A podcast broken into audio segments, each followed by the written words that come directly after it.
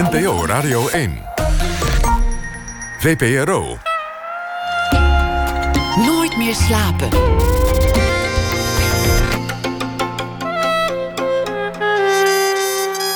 Met Liesbeth Staats. Goedenacht en welkom bij Nooit meer slapen. Straks, na ene, brengen we een nieuwe aflevering van de podcast De Verloren Tijd. Een serie van literair podium Perdu over poëzie en experiment. Met vannacht een bijdrage van dichter en beeldend kunstenaar Maria Barnas en geluidskunstenaar Nathalie Bruis. En dit uur is de gast Herman Helle. Lijfjes van ijzerdraad, hoofdjes van klei, huizen van karton. In zijn Rotterdamse atelier bouwt de theatermaker aan een miniatuurversie van de wereld. Zijn theatergezelschap, Hotel Modern, brengt voorstellingen met kleine figuurtjes over juist hele grote thema's. Eerder maakte Hotel Modern al voorstellingen over de Eerste Wereldoorlog in 2001 en over de gruwelen in Auschwitz. Over een week gaat Ons Wereldrijk in première over de kolonisatiegeschiedenis van Nederland en Indonesië. Een verhaal over geschiedenis, maar ook over tegen beter weten in vasthouden aan een sprookje en over het voelen van heimwee die officieel niet jouw heimwee is. Welkom Herman. Goedenavond. Eerlijk zeggen, als je nou niet hier zat in de studio Ja. op dit uur, was je dan nu in het atelier? Nee, nee, nu niet meer. Nee, na twaalf... eh, Nee, ik heb eigenlijk nog zelden na twaalf doorgewerkt. Wel tot twaalf uur. Maar Maar moet er nog veel gebeuren? er moet nog veel gebeuren, maar dat is altijd. Ja? dat is altijd. Ja, tot het laatste moment blijf je door. Want ik Chris. ben eh, op bezoek geweest in jouw Ja. atelier in eh, Rotterdam. En daar zag ik ongeveer de hele gordel van Smaragd. Uitgestald eh, over tafels. Ja, ja. Met, eh, nou, ik heb ze niet geteld, maar honderden. Misschien wel ik heb ze ook nog niet geteld. Dat gaan we nog een keer doen. Want die vraag, vraag zul je wel krijgen van hoe, poppetjes Ja. heb je het waarschijnlijk Ja. over. Hoeveel poppetjes? Ik weet het uit honderden. Honderden. Honderden, ja. En, ja. en hoe lang doe je over één poppetje? Ehm, oh, dat is lang moeilijk te zeggen. Want ik, eh, nou, ik, toch maak ik ze allemaal niet zelf meer. Ik, meestal maak ik zo'n één of twee prototypes. En we hebben hulp van een heleboel bevriende kunstenaars. Die allemaal helpen. Die zitten dan in serie lijfjes van, ijzerdra van koperdraad te maken. Met, met beentjes en ribbetjes. En daar moet een papier maché omheen. En dan moet er een hoofdje gekleed. Ik, weet, ik doe een minuut over, eh, nee, een halve minuut over een hoofdje. Dat weet ik wel. Een halve minuut over een hoofd. Ja, ik, ik, ik, ik weet niet hoe, hoe lang eh, iemand met een hoofdje bezig is. Nee, want het zijn ehm, kleine figuurtjes, zei ik Ja. al. Ehm, ja, ongeveer 7, 8 centimeter hoog. Ja, 8 centimeter zoiets. 1 op 20 hebben we Ja. uitgerekend. Mensen waren 1,60 meter in die tijd, dus dat is 1 op 20. 8 1 op centimeter 20. lang. Oké. En ehm, de hoofdjes hebben allemaal uitdrukkingen. Ja, En je hebt de hele Indonesische bevolking eh, afgebeeld in, door de eeuwen heen, zou je Ja. kunnen zeggen. Ja. En de Nederlanders, dat viel mij op, die hebben schapenkopjes. ja, dat klopt. Waarom heb je die schapenkopjes gegeven? Ja, dat was nou, dat, dat, was, dat was eigenlijk heel in het begin.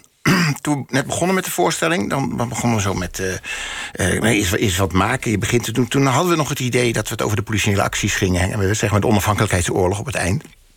Eh, alleen dat. En eh, dat heeft anders uitgepakt. Maar goed, eh, toen, toen, toen begon met, met, met, met een vrachtwagen... en, en, en, en met zo'n zo'n Nederlandse soldaat... en wat Indonesiërs en en strijdstrijders en wat geweertjes. Kijken, hoe, hoe ziet het eruit en hoe werkt het? Want die- die, ja, voor deze voorstelling begin ik altijd even kijken... van hoe, hoe, welke beeldtaal zoek je zeg maar, om zoiets te doen.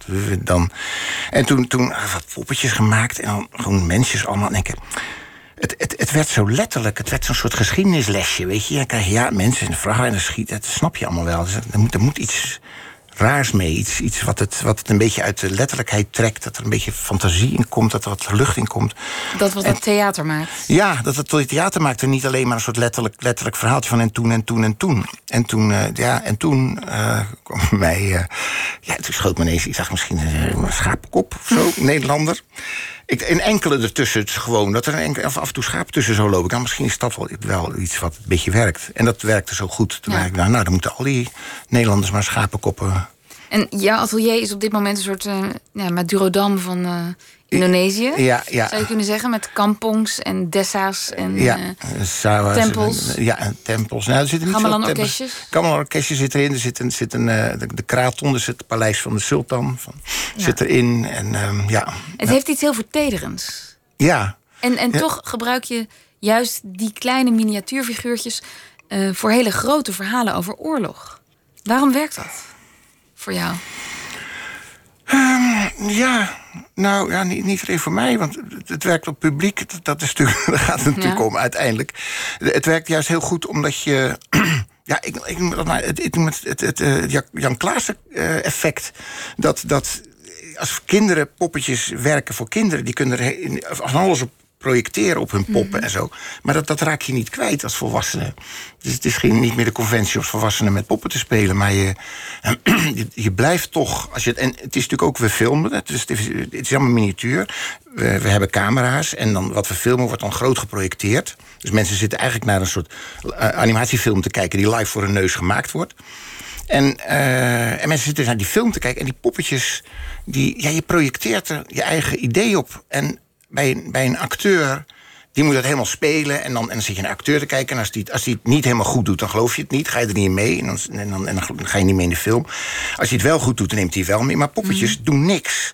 Die, zijn, die goofjes bewegen niet. Die, die kunnen één stand staan. Dus je wordt wel gedwongen om er zelf als toeschouwer, je wordt echt gedwongen om er moeite voor te doen om er leven in te blazen. Nou, op dat moment ben je een soort verloren, want dan maak je zelf het verhaal in je hoofd. En dat moet je als makers, als wij dan, moeten dat dan, dan zien te sturen en zorgen dat je het blijft geloven. Ja, want het, als, als je, zoals het nu op die tafels in jouw atelier staat, is het een stil leven. Ja. Maar hoe brengen jullie dan met die camera's er beweging in? Bewegen jullie die poppetjes zelf ook? Vaak wel, niet altijd. Eh, het is, dat, dat is best lastig, want het is, het is eigenlijk... Soms denken we, oh mijn god, we zijn gewoon een soort groot diorama aan het maken... waar we met de camera heen gaan. En, en dat is het ook wel, maar het, het, de truc is dat je dat niet door hebt. Want ehm, het, het eerste, de camera beweegt. Dus je gaat er doorheen. En, en, en, en, en, en, maar veel poppetjes bewegen ook hoor. Soms beweegt dan is het genoeg om een hoofdje even te laten draaien. Maar sommige ze, kunnen ze met armpjes. We hebben ook een poppetje die een, een, een, VOC'er... Die, die een geschenk komt aanbrengen aan de sultan. En dan neemt een hofdame, die neemt dat in ontvangst. En dan en heeft hij een grote kist in zijn handen. En, ze- en daar zit een be- beetje, beetje ijzer aan de zijkant. En zij heeft twee magneetjes in haar handen. Dus dan, hop, pakt ze het over. En dat kan, komt heel overtuigend ook wel grappig over. Dus je kan best veel...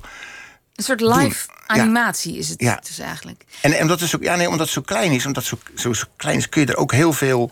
eh, je kan, heel veel special effects kan je doen en zo. Het, het- het- het regenen met planten spuiten. Het klinkt heel lullig, maar dat, dat werkt heel goed. Zeker als het geluid mooi erbij is. Het, in deze voorstelling regent het niet.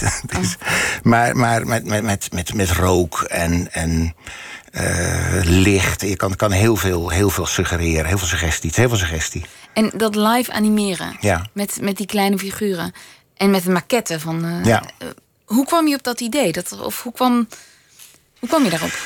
Ehm, tot één uur, hè? Ja, ja, het is een. Ja, het is een nou, Oh, is het een lang verhaal?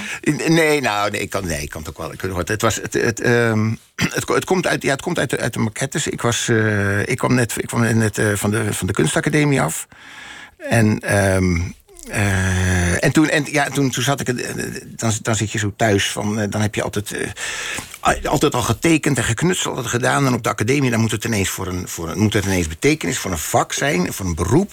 Dan moet het ineens ergens over gaan. En allemaal docenten die dingen van je eisen. En dan op een gegeven moment sta je er buiten die academie. En dan moet je ineens... Oeps, dan moet het zelf doen. Dan moet het zelf doen. En het moet ineens ergens over gaan. En oh, help. En wat is mijn positie hier? En wat heb ik eigenlijk te vertellen aan de wereld? Dat, zie, dat het beroemde zwarte gat. En, en ja, dan zie je maar. En, en toen, toen kwam toen, eh, een aantal mensen die ik kende, de be- bevriende jonge, jonge toen, nog, toen nog jonge architecten, die, die waren bezig, hadden iets van een maquette die gemaakt moest worden. En die, die, die hadden hulp nodig. En maar jij goed gewoon knutselen, wil jij helpen? Nou, en toen ik hielp. En dat bleek heel goed, bleek heel goed te gaan. En toen kreeg ik nog, nog weer een opdracht nog weer een, een opdracht om te helpen. En eh, toen. eh, ook, nou, het- ik wou het heel kort doen, hè, maar het wordt toch weer langer. Maar dat, Nou, als het te lang wordt, onderbreek ik je. Dat breekt me wel Ja. goed. En, en, ehm, en, en, en in dat moment was er ook in Rotterdam Rem Koolhaas, die was zijn bureau was redelijk beginnend. Hij zelf was niet begin, maar zijn bu- bureaus was nog een, beetje, en, eh, was een beetje aan het begin van de, van de glanzende carrière die hij later ge- gekregen heeft. Ehm, en die, en die hadden een, eh, en, en, en die, die hadden een gipsenmaquette nodig voor eh, ontwerp voor het stadhuis van Den Haag, was dat prijsvraag. En Remco Roos die had een soort, die, wou, die wilde een gipsen maquette. Dat was dat in, in, in Amerika. Zijn lievelingsgebouw van hem was ooit een gipsen maquette van de jaren twintig. Hebben we ook zo'n gipsen maquette. En hoe, hoe, nou, wie kan een gipsen maquette maken? Nou, Herman misschien, zei iemand, riep mijn naam. Nou, kun jij gipsen maquette maken? Ik zei, ja, ja, vast wel. Ik heb nog nooit gedaan. Een gipsenwerk kan niet zo moeilijk zijn. En toen, eh, ik gipsen maquette gemaakt. Het was heel mooi. En daar kwam er nog weer opdracht toe. Van een kwam het ander. Dan heb je toch Remco's waar naar gekeken werd. En, dus daar, daar, daar werd ik door meer mensen gevraagd. En toen uiteindelijk was er Rotterdam 50 jaar na de oorlog. 50 jaar wederopbouw. Toen wilden zij iets tot groot vieren met een enorme uh, manifestatie. En een van de dingen waarvan was een maquette van waar de wederopbouw toe geleid had. Dus Rotterdam nu. Dat was in 1995, dus Rotterdam toen. En dat was een maquette van 15 meter lang, 35 meter breed. Gigantisch ding. Heel Rotterdam, van Hoek van Holland tot Capelle. Heel... Voor een putter zat erop, de eilanden. Dat is een enorm ding.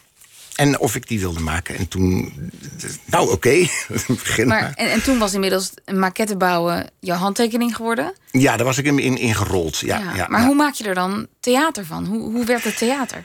Nou, die maquette dus, daar, daar, had ik dus hulp van tien mensen. Die, iedereen, allemaal mensen. En een daarvan was mijn toenmalige, uh, was mijn, mijn, mijn, toenmalige vriend, vriendin, huidige vrouw. Dus mijn, mijn, mijn, die, die hielp ook mee. En zij was theatermaakster. Zij had toneelschool gedaan, had al voorstellingen gemaakt. En, uh, zij, en het maquette was zo'n fantastisch ding geworden. En zei, oh, dat is geweldig, daar moeten we iets in theater mee doen. Zij dacht in theatertermen. En, en, en moeten we, daar moeten we iets doen mee in theater. En toen, uh, toen een voorstelling over, uh, met, met maquettes gemaakt over een stad. Grote kartonnen dozen. Hele stad heette die. Grote kartonnen dozen waar allerlei dingen doorheen bewogen. En er zaten mensen in. En en, uh, toen was het theater. Toen was theater. En op een gegeven moment had ik een camera gekocht. En toen kwam ik erachter dat het heel fascinerend was om, zo om een camera op zo'n maquette. En dan met de hand daar dingen in te zetten. Of dat die gewoon voor de camera zo'n stad werd opgebouwd. En toen inmiddels had ik ook doorgekregen dat, dat theater iets is. Dat je dingen kan doen voor een publiek, zo live. Zo met die dingen. En toen dacht ik, nou, daar een voorstelling mee maken. En dat uiteindelijk is de grote oorlog geworden. De eerste voorstelling die we maakten met camera's, live animatie. Over de Eerste Wereldoorlog. Over de Eerste Wereldoorlog, ja. ja. En uh, de, de nieuwe voorstelling, Ons Wereldrijk. Uh, met hoeveel handen letterlijk ben je dan bezig in zo'n voorstelling? Um, hoeveel handen heb je nodig? Nou, we zijn, we zijn, we zijn met z'n drieën. Hotel Modern, dus dat, ben, dat is uh, mijn, mijn, mijn vrouw is Pauline Kalker. Alleen Hoornweg, ook actrice, en, en ik. En met die handbewegende poppetjes. En dan hebben we Arthur Sauer, componist. En die maakte de soundtrack bij de live animatiefilms. Die zit ook op toneel. Die maakt live ook alle geluiden met samples dingen. En hij heeft uh, anklungs, Indonesische instrumenten hangen en dingen. Dus met z'n vieren zijn we eigenlijk. Dus het zijn acht handen, zeg maar. En als jij research doet voor deze voorstelling... die gaat over Indonesië en Nederland... hoe, hoe pak je die um, research aan? Moet het voor jou historisch kloppen? Want je bent zo precies te werk gegaan. Ja, uh, moet het kloppen? Uh, ja, en dat doet het. Dat moet eigenlijk wel, maar dat doet het niet.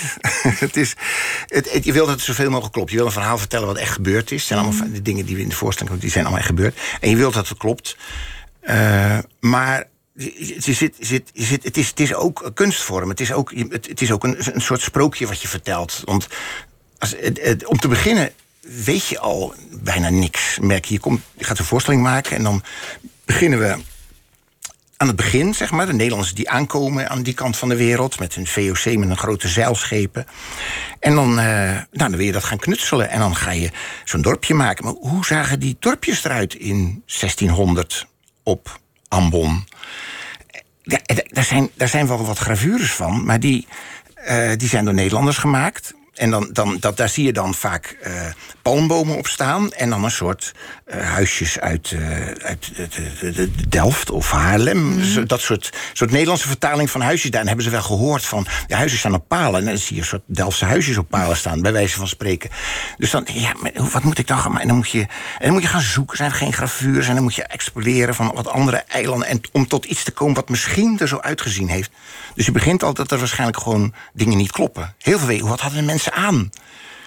Er zijn geen foto's geen van. Geen, er is niks in, in. Geen beschrijvingen ook? Ja, maar die zijn dan uh, ja, een soort rok aan. Ja, ja. Maar ja, kan alles zijn. Dan weten wij, dat is een sarong die ze daar dragen. Maar is een sarong die ze nu dragen, is dat nou hetzelfde als 1600? Dat weet je niet.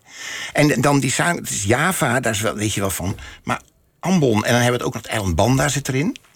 Nou, dat is gewoon geveegd door Jan Pieterszoon Koen. Die hele, hele cultuur is weggevaagd. Die mensen zijn uitgemoord, naar Batavia afgevoerd. Die is de hele cultuur is gewoon verwoest. Dus daar weet je helemaal niks van. En daar zijn wel wat tekeningetjes van, trouwens, overigens. Dat is heel bijzonder. Daar zijn wel uit die tijd daar gemaakt. Dus daar weten we dan wel iets dus van. Het is een beetje sprokkelen. Het is heel erg sprokkelen. Ja. En het is wel zo, dat is heel fijn. We hebben uh, een aantal historici die ons heel erg helpen van de Leidse Universiteit. En die dan uh, bellen en mailen. En dan hoe zat dat en hoe zat dat? En dan merk je ook dat je er zo weinig van weet. Ja. Dan heb je, neem je iets aan van, oh, dat zat. En dan zeg je, dat zat zeker zo. Nee, zeg ze, nee, dat was heel anders. Oh, dan maak je iets. Ja, wel leuk, maar, maar maar, dat, en, maar je bent geen historicus, je, dat wil je ook niet zijn. Nee, nee. Maar je wil, je wil wel dat het. Je wil ook weer. Je wil geen onzin vertellen. En het is ook. Het is wel zo bijvoorbeeld zo'n geschiedenis van, van zo'n eiland. Dat, dat, is, dat gaat dan, zo'n verhaal vertellen, dat gaat dan over. Eh, dat speelt zich af in twintig jaar. En dat doen wij in één scène. En bij ons suggereert het alsof het achter elkaar doorgaat. In een, in een, in, in, in, in achter elkaar door het verhaal. Het grote gaten. Dus je, het, het, is een soort het is een historische roman, zeg maar. Dus soms denken we, weet je, je gaat heel veel research doen... en dan maak je er eigen verhaal van, gebaseerd op werkelijke gebeurtenissen. Dat is het eigenlijk een beetje. En waarom had dit onderwerp of deze geschiedenis jouw speciale aandacht? Uh, nou, mijn, mijn, ouders zijn er geboren. Mijn ouders zijn allebei in, uh, in Nederlands-Indië geboren. Mijn vader in uh, Oost-Java en, en mijn moeder in, ook Oost-Java in, in, in, in Surabaya. Mijn vader een klein plaatsje op een plantage, een onderneming, zoals dat daar heet. En waren, waren zij Indonesisch of was dat Nederlands? Nee, ze waren Hollands. Hun, hun ouders, zijn die, die, die, twee stellen grootouders, zijn naar Indië gegaan, want daar lagen mogelijkheden, er lagen kansen, werk en dat soort dingen. En dat was toen normaal. Dan ging, je, dan ging je daar en die zijn daar een leven begonnen, hebben kinderen gekregen. Dus al mijn ooms en tantes zijn er allemaal geboren van de vorige generatie. En uh, dus we hebben geen, geen, geen Indisch bloed, zeg maar, zoals het heet. Echt Hollanders daar. Maar, maar wel, ja, mijn ouders zijn, ja, het is hun geboorteland. Dus ik heb er vrij veel van meegekregen thuis. Dat was thuis heel erg aanwezig, Indië. En hoe Indisch was het bij jullie thuis? Ja, dat vind ik moeilijk te beoordelen. Ik vind het vrij Indisch, maar ik, ja, ik denk er altijd bij van Indisch. Je denkt in de eerste plaats bij Indisch aan mensen met, met, met, met een donkere huidskleur, zwart haar. Gewoon echt Indisch, echt Indisch. En dat waren wij niet. En dat is wel een verschil. Mijn, mijn, mijn ouders waren natuurlijk de, de, de, die zaten de bovenliggende partij daar in, in, in Indonesië. Het was heel erg een, soort apartheidsmaatschappij, zeker in de, de 20e eeuw. Toen, toen, toen, uh, en, en dus ik, ik, het was, ja, wat zeggen, ja, um, hoe moet ik dat nou zeggen? Hoe Indisch was het? Nou ja, er werden veel Maleise woorden gebruikt. En, en uh, er werd Indisch gekookt. En, en, en, er werd, en er werd, werd heel veel waarde aan gehecht. Hoe, het, hoe lekker het weer was en dit en oh. En dan werd er Indisch. Gingen we naar een. Naar een uh, als, als kind dacht ik, dacht ik, wij zijn Indisch. Dat, daar was ja. ik van overtuigd. Dat vonden mijn ouders ook. Wij waren Indisch. En uh, ik, ik, ik herinner me ook. Wij woonden in Vlaardingen in de Indische buurt. Ik dacht altijd van ja, er wonen allemaal Indische mensen. Want onze buren waren Indisch. Had ook een groot schilderij van zo'n vulkaan met een sawa en karbouwen ervoor. Zo'n heel Indisch schilderij aan de muur hangen. En, en die, kwamen ook uh, brengen, zelf gemaakt. Dus het was heel erg Indisch allemaal. Later realiseerde ik me dat heette Indische buurt, omdat het gewoon Indische straatnamen waren. Weet je, Banka Singapore, dat had verder niks met uh, waarschijnlijk de enige mensen met een Indische achtergrond en onze buren. Maar, maar um, ja, het was, het was heel, erg, heel erg vanzelfsprekend. En ik weet ik, ook, daar gingen, ja, oh god, ja, een zijpad hoor, maar uh, er gingen ook e-, eten, gingen, uh, ingrediënten kopen. Mijn vader voor het eten bij, bij, een, bij een winkeltje in, uh, aan de Maashaven, de Rijnhaven, wil ik vanaf in Rotterdam, zo'n klein tokootje. Tokootje, ja, met lekker. En die hadden een grote foto aan de muur hangen van uh, prinses Beatrix, die in een, in een wadjan, zeg maar, zo'n Indonesische wok, zou je het ook noemen, zo'n bolle pan, stond ze te roeren. In een beetje een armoedig keukentje of zo. En daar stond onder.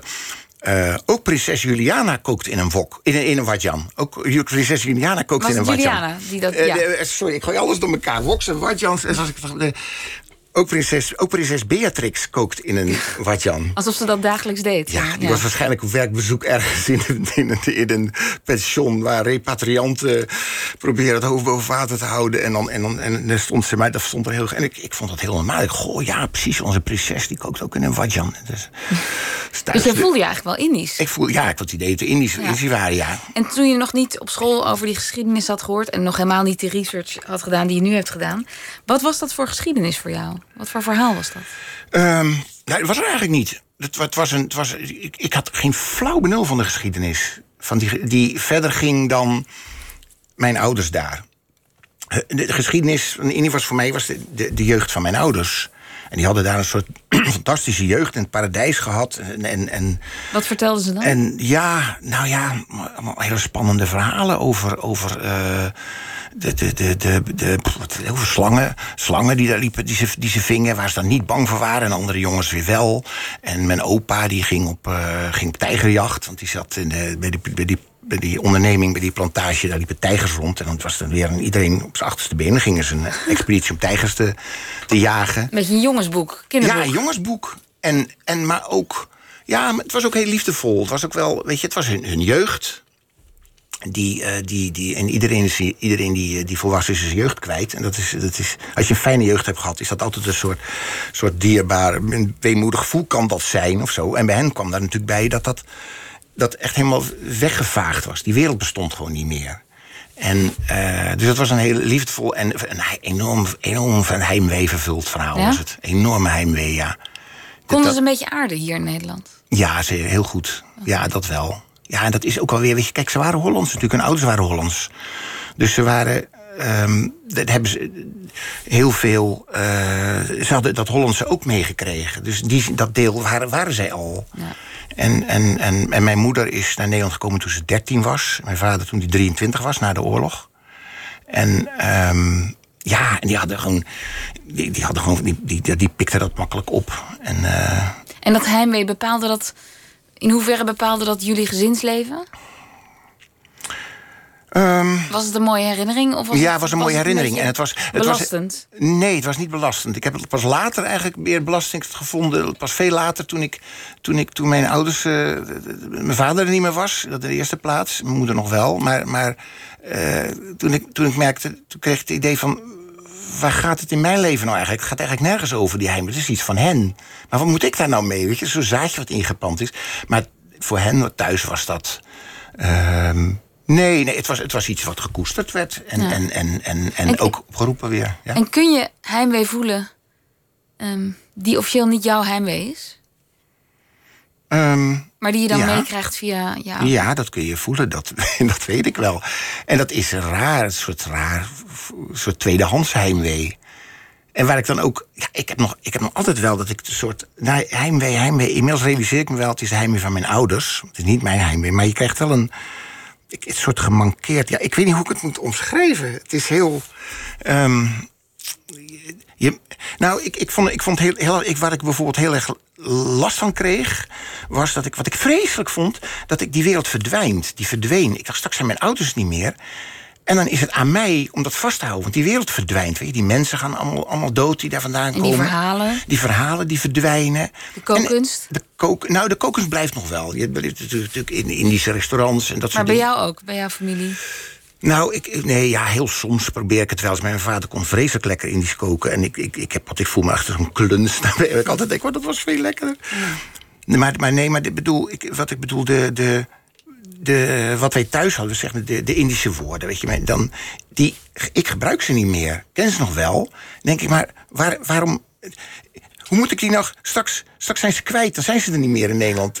Als ik ze niet meer gebruik, dan houdt het op of zo. En dat voelde heel naar. En dat, ik denk dat dat wel een beetje een, een soort voortzetting is van het gevoel van mijn ouders die iets kwijt waren. En dat ik dan ook iets kwijt, weet ik veel. Dan Ja. wordt het heel erg psychologisch en flauwekul allemaal. Maar nou, waarom? Waarom is dat flauwkul? Ehm, ja, nou nee, ik bedoel, of ik van hen iets wat is taal, maar, maar doet het niet heel toe eigenlijk. Maar, ehm, maar bijvoorbeeld dat ik, dat ik, ik heb wel met, met, met ik heb, ik heb een, een, dochter, weet je, en dan zeg ik, en mijn ouders, als ik moest opschieten, dan dan zeiden ze altijd, ajo, ajo, en dat is, dat is, schiet op. Nou, ajo, hup, ga in de auto zitten. Nou, niet zo treus, ajo. En ik, mijn dochter, dan zeg ik, hup, schiet op. En ik denk wel, ajo, maar ik zeg het niet. Nee. Dat, voel ik, dat voel ik me aanstellen. Dan denk ik, ja, ga ik een beetje Indisch lopen doen? Wat een flauwe kul. Dat, dat is... En zo- zo zijn er meer dingen die, Ja. dan, die, dan, die, die ik dan wel voel. Het eerste het Maleise woord of zo, die mijn ouders dan altijd voor zo'n situatie gebruiken. En die ik dan toch niet doe. En dan alsof het een soort verraad is. En, en ik voel me ook belachelijk als ik het wel. En dat is een rare spagaat, Ja. een raar gevoel. Ja. Ben je terug geweest in Indonesië? Naar het land van je ouders? Ja, ja, e- één keer. met, uh, met, met, met, mijn, met mijn vrouw. Uh, dat toen begon ik, uh, het werd echt een beetje raar, want ik begon dus uit het idee van alles verdwijnt. Begon ik als een gek te, te, te, te verzamelen. Begon ik te, te hamsteren, zeg maar. Al die dingen. Op de rommelmarkt kwam ik en daar lagen, en weet je, heel mooi in die scopenwerk. En wij thuis hadden een mooie schaal, een serieschaal van mooi koperwerk uit Sumatra. Helemaal handgemaakt is dat met was, heel mooi procedé. heel mooi handwerk. En die dingen zag ik allemaal, allemaal voorwerpen daarvan. Denk, en niemand weet wat dat is. En het kostte bijna niks. Ik dacht, het ligt gewoon erop. En ik dacht, wauw. En, dat, en, ik, oh, en ik begon het allemaal te versparen. En nog meer, en nog meer. Er werd een soort gestoorde verzameldrift. Ja. En toen, op een gegeven moment, toen zei mijn vrouw, die zei, de, heet ze trouwens over. Ja. Het voelde een beetje suf, zo over. Maar goed, afijn. Ik zei, zullen, zullen we er eens heen gaan? Ik zei, nou ja, misschien, misschien moet dat wel. Want ik was altijd bang om daarheen te gaan. Want? Wat zou er gebeuren? Nou, ja, het was, ik, nou, ik was altijd heel. Ik ben altijd. Ik, ik, ik dacht altijd van ik moet erheen, maar ik was altijd bang om het, om het, ja, het sprookje op te blazen. Het, uh, het, het, het, ik, ik, ik, ik, ben, ik ben niet achterlijk. Ik wist ook wel dat, dat, dat, ik, dat ik niet met een, met een soort sprookje was opgevoed. Of een sprookje, een, een, een verhaal wat, wat, wat, wat er niet meer is. En, en um, mijn, uh, uh, en, en een van de dingen was ik, dat verhaal, dat, dat oude Indië in zwart-wit. Dat zijn de foto's altijd zwart-wit. Onze fotoalbums waren allemaal in zwart-wit. Het is een soort zwart-wit uh, beelden zijn het. Archaïsche. Ja, zwart-wit beelden. Mijn, mijn, mijn, mijn, mijn, mijn, familie, mijn, mijn, mijn oma in uh, sarong en kabaya voor het huis in zwart-wit. Geen idee wat voor kleur die kabaya, die sarong, die kabaya was wit, maar die, wat die sarong had. En ik, ik, ik, ik dacht, als ik daarheen ga, alles is in knallende kleuren. Weet je, Indonesië, ik zie wel, je ziet natuurlijk al foto's. Ik denk, dat is een totaal andere wereld. Ik, als ik daarheen ga, dan vaag ik het weg. Ja. Ik was echt bang en bang voor de confrontatie met dat. Het, was ik heel bang voor. En toen. Um, en toen kwam je aan? Het zijn er geweest. En het was, ja, ik, ik vond. Uh, ik ben heel blij dat ik geweest ben. Het was heel, heel, heel, heel goed. Heel. Uh, en wat was er over van dat sprookje wat je van huis uit meekreeg? Um, nou, Um, nou, het sprookje is, dat, dat sprookje is nog gebleven, want dat verhaal blijft natuurlijk gewoon. Maar wat, wat, wat het me opgeleverd heeft, is dat ik nou weet dat het, uh, dat het, niet, dat het, land, dat het land niet voorbij is. De wereld is niet voorbij. Nee. De wereld is gewoon verder geëvolueerd, net als hier. Ja. Net als de situatie hier in, uh, in 1930. Die, die, die is nu de wereld van uh, 2019 geworden. En dat is daar ook aan de hand. En dat, dat snap ik nu wel. Dat, denk ik, oké, dus die, dat, die angst dat het verdwijnt, heb ik nu minder. Niet meer. Ik weet het gewoon, bestaat gewoon nog. Ja. ja. Ik, uh, we gaan even naar muziek luisteren. Ja. Um, niet naar jou, dat gaan we straks doen. We horen oh, ja. jou nog even spelen in uh, de band waar je vroeger in zat. Maar eerst luisteren we naar een nummer Falling Down van Ansatz der Machine. Een Belgische band die ooit begon als een eenmalig project van twee geluidstechnici. Maar inmiddels zijn ze uitgegroeid tot een achtkoppige liveband. En deze single wordt al regelmatig gedraaid. Falling Down.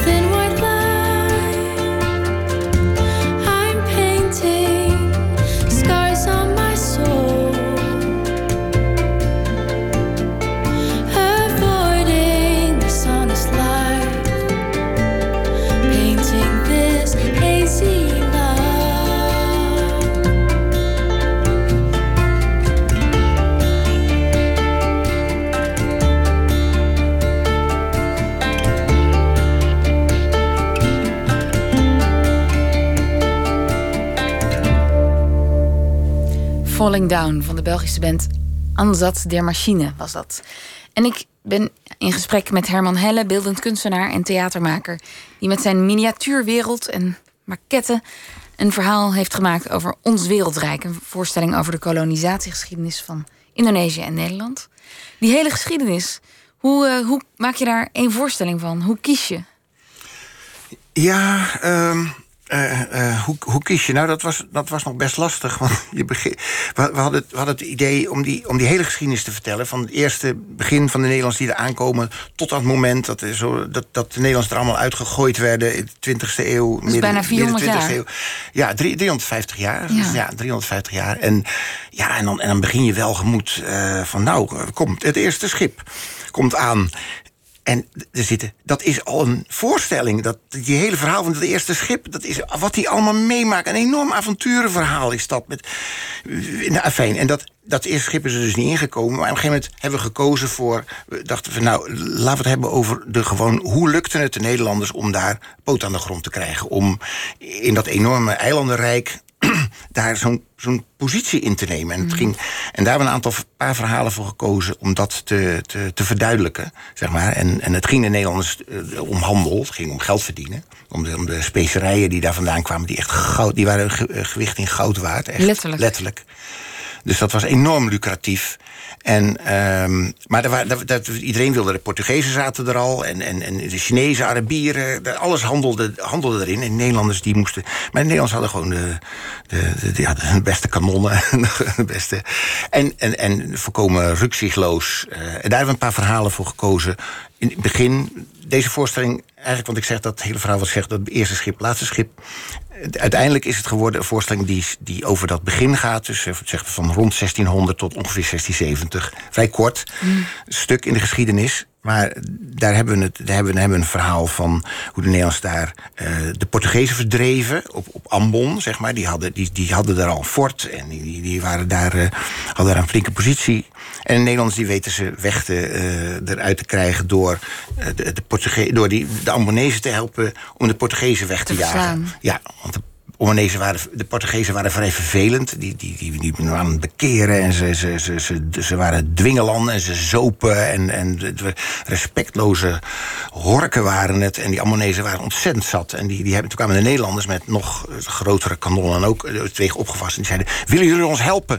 Nou, dat wilden de Nederlanders wel. Dus die hebben toen... Die, Albanese verdreven. En, en, en, en, er zit dus ook een zeeslag in de voorstelling. Van een, uh... Maar ja, die Nederlanders waren ook geen toonbeeld van tact en Nee, precies. Toen waren de Portugezen weg. En toen zeiden de Nederlanders zo. Nou, en nu hebben wij even wat uh, eisen. Dit zijn de kosten ongeveer van de hele operatie. En nu zijn wij de baas. Nu betalen, verkopen jullie alleen maar aan ons. En wij bepalen de prijs. En er is ook een verhaallijn over Banda's nootmuskaat. Ja, dat is een, ander verhaal erin. Dat is, dit was dan nog een soort, met zo'n intrige. Ze werden gevraagd door de Ambonezen om te helpen. Nou, toen hadden ze poot aan de grond en ze gingen niet meer weg. En bij Banda, uh, Ammon was kruidnagel trouwens. En Banda was nootmuskaat. Dus de enige plek op de hele wereld waar de nootmuskaat groeide. En dat uh, is ook, dus het was enorm geliefd. Dat is ook een ondergang geworden eigenlijk. Want uh, daar waar de Nederlanders hebben niet gewacht tot ze hulp gevraagd. Die zijn er gewoon uh, binnengewalst en hebben de, uh, nog wat, eerst, een, een, eerst weer een contract. Jullie mogen alleen aan ons leveren. En, uh, en die hielden ze weer niet aan, want die, die, die Bandanezen dachten, ja, kom op zeg. Nederlanders die geloofden in contracten, dus de papier, handtekening, en dan was het zo. Ja. Maar daar, ja, oké, weet je, maar ja, dan is die, die, die, de, de, de baas die dat getekend heeft, is dood, de dorpshoofd. En de volgende komt. En denk ja, wat heb ik ermee te maken? Of ja, een stukje papier. Hé, hey, die betalen meer. Nou, dan doen we dat. En die Nederlanders werden helemaal gek van. Op een gegeven moment toen. De VOC dacht, nou kom, daar moet even goed van eens van een eind aan gemaakt worden. En toen is dat eiland schoongeveegd. Dus uh, uitgemoord. Jan Koen. Jan Pieterszoon Koen, ja. Die heeft toen, uh, daar is heen gegaan met een enorme vloot en een heleboel uh, soldaten. En die heeft de bevolking uh, uitgemoord, afgevoerd. Volgens doodgeho zijn doodgehongerd. Uh, dus helemaal schoon. En toen keurig uh, ontverdeeld in, in, in perken, heette dat. soort plantages die door de VOC gerund werden. En daar werd er gepacht. En VOC bepaalde de prijs. En toen was het Nederland. En vervolgens werd hij als held ontvangen in Nederland. Nou, het was... Nou, nee, want het, de VOC die hoorde dat... En die zaten ook allemaal wel te schudden van... nou, nou, nou, dat is wel erg drastisch, zeg. Jongen, jongen, jongen, had dat nou echt zo gemoeten? Maar oké, goed. Nou ja, het is nou eenmaal gebeurd en we hebben nu... dus zo ging dat ongeveer. Dus het was niet... Het, het, het werd toen ook al gedacht van... Maar dit later gaat is Pieter erg Jan ver. Koen hier toch als een soort zeeheld eh, geëerd. Mhm. Ja, ja, ja, ja, zeker. Ja, ja. Maar ja, dat, is natuurlijk, dat, was, dat was natuurlijk hier ook het idee van... van daar werd iets groots verricht. Ja. En in Nederland was ook geen idee wat daar nou gebeurde. Het was gewoon ver weg. En het is natuurlijk, ik denk ook wel een beetje een 19e eeuws verhaal van al die helden. Dat, dat Nederland ehm, een, een, een- een, geschiedenis van heldendom nodig had. Dat al die, al die Michiel de Ruiter en Tromp. En, Die werden en- gewoon uit de mottenballen getrokken. zijn allemaal uit de mottenballen. Ja. Die zijn allemaal standbeelden gekregen. En dat hele, hele nationalistische verhaal van, eh, van, met, met, met helden en zo is toen opgetuigd. En dat eh, En, kerstboom wordt nu weer een beetje afgetuigd. Dan komen er andere ballen in. Maar en dan is er nog een, een verhaal over Batavia stad. Waar gaat nee, ja, nee, dat is, dat, is, dat is niet echt een heel, heel verhaal. Dat zit er wel in. Nee, dan hebben, we- dan hebben we nog een verhaal over, ehm, over eh, Mataram. Groot, het grootste, het machtigste rijk op eh, Midden-Java. En eh, daar kon de VOC niet tegenop. Want dat was echt een machtig rijk. En die hadden ook kanonnen en geweren. En die, die, die, die sultan daar, de Susuhunan, nee, de sultan heette... Die, die, had, die, die kon enorm veel mensen op de been brengen en zo. En toen was Batavia was net... eh, dit even, ja, nu als ik vertel, is niet direct in de voorstelling... maar gewoon even voor de situatie. Ja. Batavia was net gesticht door Jan Pieterszoon Koen. En die sultan die vond dat die, die, die Hollanders waren veel te opdringerig. En die heeft toen ook Batavia belegerd met olifanten en van alles en nog wat. En als Batavia toen gevallen was, dan was het Nederland weg geweest. Maar dat, hebben, dat is gelukt om te blijven staan. Maar het was dus echt een geduchte tegenstander. oorlog. Ja, het was echt even oorlog. En, en, maar toen, de opvolger van die sultan... die kreeg op een gegeven moment, die was ook heel machtig... en, en dan ging de Nederland daar met delegaties heen... om voor leverantie van rijst en op hun knieën voor de sultan... alstublieft, meneer, mogen en geschenken geven... Dat zit wel in de voorstelling, die, die geschenken dat ze aankomen op knieën bij die, bij die, bij die vorst. En, eh, en op een gegeven moment dan ontstaat er eh, gedonder in het Rijk en opstand tegen die.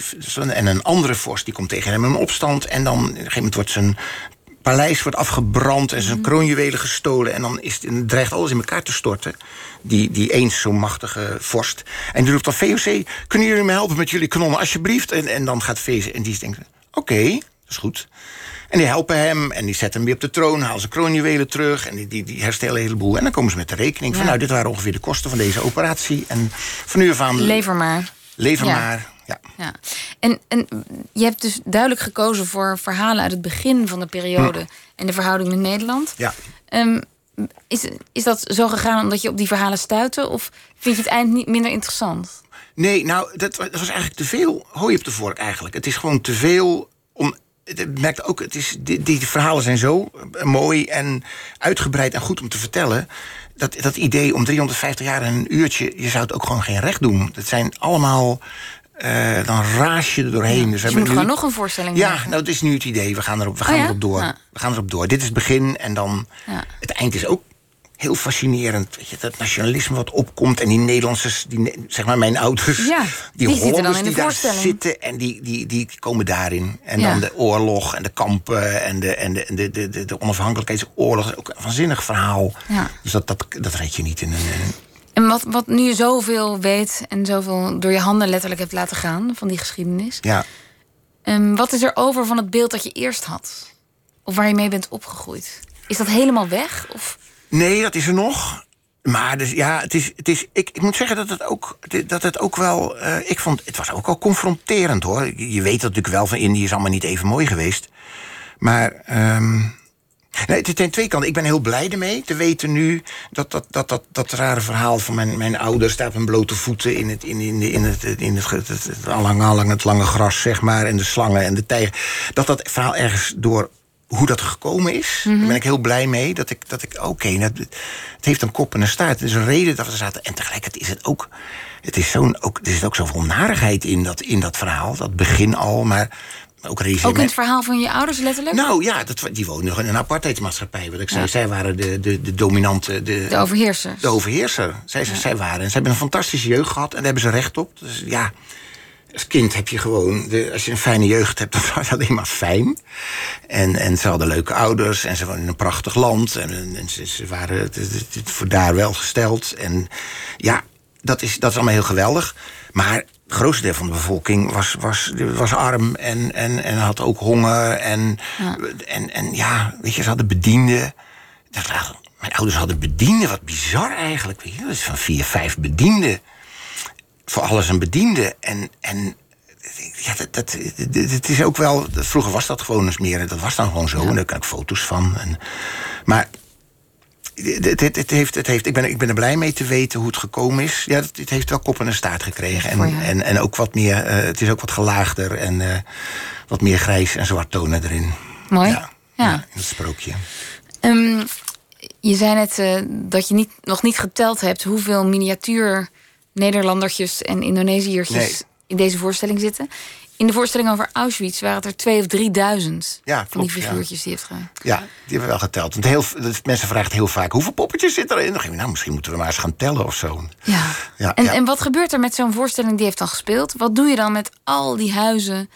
Uh, nou, in dit geval kampongs. Ja, nou, dat gaan, gaan allemaal in. Figuurtjes. Nu, nu, nu, nu spelen we natuurlijk, maar als die klaar is, bijvoorbeeld die voorstelling van Kamp over Auschwitz, die voorstellingen, andere voorstellingen, ja, die staan in een, in een, allemaal in, in reis klaar, in, in kratten, karren en zo in een opslag. Die bewaar je? Ja, we hebben alle, alles nog. Van alle voorstellingen. Of zo. Ja, een paar die nu echt niet meer spelen. Dat is een beetje verspreid geraakt. Maar, maar de, de, de, de aantal voorstellingen die we nog spelen... over de Grote Oorlog, over de Eerste Wereldoorlog... Kamp, over, over Auschwitz en zo. Die, die, en nog een aantal, die hebben we gewoon nog. En die staan in opslag. En die, kunnen we ook weer tevoorschijn trekken. En, uh... Want uh, de voorstelling Kamp zag ik net op de speellijst. Ja. Die komt weer terug. Ja, die spelen we ook weer. Ja, die spelen we sowieso ieder jaar op, op, op 4 mei in Rotterdam. en uh, ik haal even de flyer erbij. Ja, in, in, ja, in, in Leeuwarden, Haarlem, Amsterdam, Rotterdam en Krakau in Polen gaan we hem weer En hoe is het om, om zo'n gruwelijke geschiedenis... want dat was toch echt, dat ging echt over Auschwitz. Ja. En, en um, daarmee bezig te zijn... terwijl je ook aan het knutselen bent... of iets zoveel mogelijk lijkt... of, of dat het de juiste gezichtsuitdrukking heeft... Uh... Ja, het was, het was, heel, het was heel, heel, heel bizar en heel intens. Want we hadden, we heel veel hulp altijd hè, met het maken van die poppetjes. Dus iets van, we hadden toen iets van geloof ik tien bevriende kunstenaars die mee knutselden daaraan. En dan. Uh, ja, en die poppetjes, dan, zijn we die poppetjes aan maken. We hadden een hele soort productielijn. De een maakte de framepjes en de ander kleedde dan een beetje aan. Weer stof erom en hoofdjes erop en bakken en plakken. En dan maak ik zo weer een. En die werden allemaal. En dan zitten gezellig te kletsen. We draaien muziekje weer en lol en lachen en zo. En, en op een gegeven moment zet je die poppetjes weer. Werden ze allemaal opgeplakt op een grote plaat. Hadden we ze dan een massa nodig. Allemaal met die, al die poppetjes met hun grijze gestreepte pakjes, pakjes aan. Gestreepte pakjes. En op een gegeven moment dacht ik, oh mijn god, dan zie je dat. En dan slaat ineens de schrik. Dan denk je, oh mijn god, maar het is echt. Dit, dit zijn gewoon het zijn mensen, het zijn gewoon echte mensen. Ineens zodra ze dan staan, dan zie je die massa. Dat was steeds was dat weer van, oh mijn god, dit is echt, dit is een echt verhaal wat we aan het doen zijn. En dan, uh, en dat was heel, was heel, heel heftig. Uh, ja, periode. Heel erg heel heftige periode, ja. ja. Ik merk dat je ook. Dat is eigenlijk de, de, de enige voorstelling waar we bij het, wij, wij, met het, als bij het opbouwen en spelen normaal, als je een voorstelling, je komt ergens aan in het theater, gaat boel, de technici van het theater verwelkomen. Je hebt het gezellig, je bent aan het bouwen, er wordt gelachen, gedaan en nou, dan je wat eten. En dan ga je de voorstelling spelen en dan krijg je adrenaline van, van zijn voorstelling. En die voorstelling was altijd een soort zwaar gevoel. Je weet altijd, je bent dat kamp aan het neerzetten, al die barakken en de gaskamer wordt neergezet en die trein en, en die poppetjes. En aan het eind van de voorstelling, die zoog je leeg. En na afloop kwam de voorstelling, komen altijd mensen altijd dichtbij krijgen, allemaal daar praat je mee, die heeft allemaal vragen erover en zo. En dat is heel fijn. Want, want je, je zit in een soort. Je voelt de hele zaal met een soort. Met, met een ingehouden adem en, en een hart in hun keel naar die, naar die gruwelijkheden te kijken. Gewoon een soort heel, mhm. zonder, zonder tekst of wat dan ook. Zo'n soort soort bewegend spel van die, van die hele logistiek van zo'n kamp. En dan, en dan daarna is het heel fijn om die mensen te spreken, even ogen, in de ogen te kijken en vragen te beantwoorden. En dat is voor, voor beide partijen. En dan ben je helemaal leeg. was helemaal leeg. Echt de ene voorstelling helemaal leeg zoog. Dat was echt met die voorstelling. En wat je zegt, hè, als je dan al die poppetjes op een rij ziet staan, dan wordt de massaliteit duidelijk. Ja. Is dat ook waarom het zo werkt in het theater? Ja, ik denk het wel, ja. Ja, want het is, het is dat, wel, dat is mooi aan met, in miniatuurwerk. Omdat het zo klein is, kun je er heel veel van in een theater doen. Kun je, kun je een paar duizend, kan je laten zien dat het over duizenden mensen, duizenden mensen gaat. En die kun je allemaal met de camera gingen we langs een scène. Al die hoofden. En dan zie je, dit, dit zijn gewoon mensen. Het zijn niet poppetjes of zo. Het worden, het worden echt mensen en dat, dat voel je heel erg. En ze kunnen, als ze dood zijn, zijn poppetjes ook echt, echt dood of zo. Dat is, dat is de, ja, dat? geloof je gewoon. Nou ja, ik bedoel, je, je fantasie wordt heel erg aangezet door naar poppetjes te kijken. En zei, als publiek eh, ben je heel actief aan het kijken. Je zit niet passief een verhaal tot je neemt. Je moet echt actief geloven dat het echt is. En als je dat doet, dan, dan, ja, dan maak je zelf het verhaal. Dus als een poppetje dan, je ziet ze echt, echt doodgaan. En het worden, het ja, god, ik weet niet. Het, nee, het, het, is, het is, het is, het is het, het, eh, mensen die fantasie gebruiken. En fantasie kan heel, eh, kan nare dingen. Nee, daar kun je, daar kun je, eh, ehm, nou, maar de draad even kwijt. Maar Het is confronterend of zo, als zo'n poppetje eh, ja. doodgaat. Omdat, Ja. je, omdat je meegaat, ga je ook daarin mee. Ja, daar ga je, daar ga je ook in mee. Ja, je gaat. Je gaat het- nou, iemand. Als je, als je bijvoorbeeld het toneel, iemand die in elkaar geslagen moet worden op een toneel.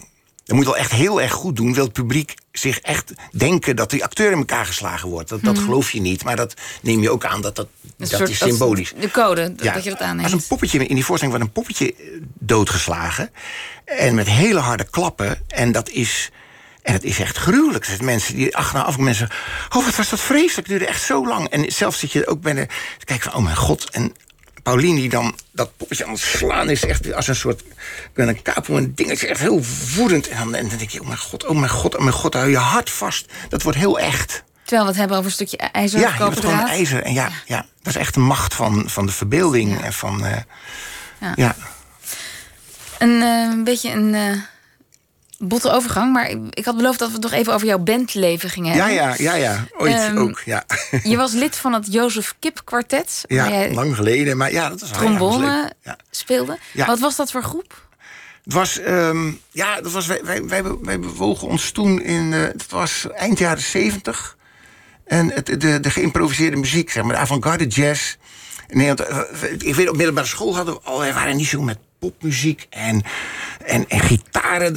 Een groepje mensen weer optrokken. En We hadden een soort, soort fanfare op school opgericht van mensen die niet konden spelen met toeters. Dat was leuk, want dat deed niemand. Dat was suf. En dat gingen wij dus doen. En met toeters en dingen en zo. En toen kwamen we erachter dat dat. dat was, en dat was heel opwindend. Het was hartstikke leuk, want het was geïmproviseerde soort chaos. En dat, dat, daar, daar, daar, eh, daar, doken, we- daar doken wij in. En, met, en eh, spelen konden we nauwelijks.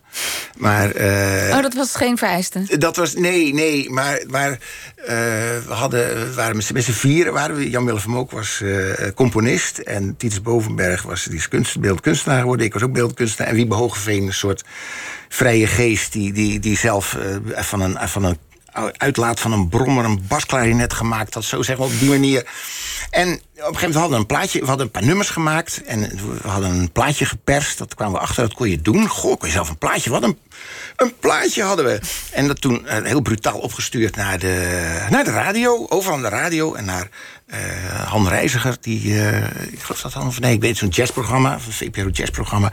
En dat, verdomd, dat werd gedraaid, dat nummer.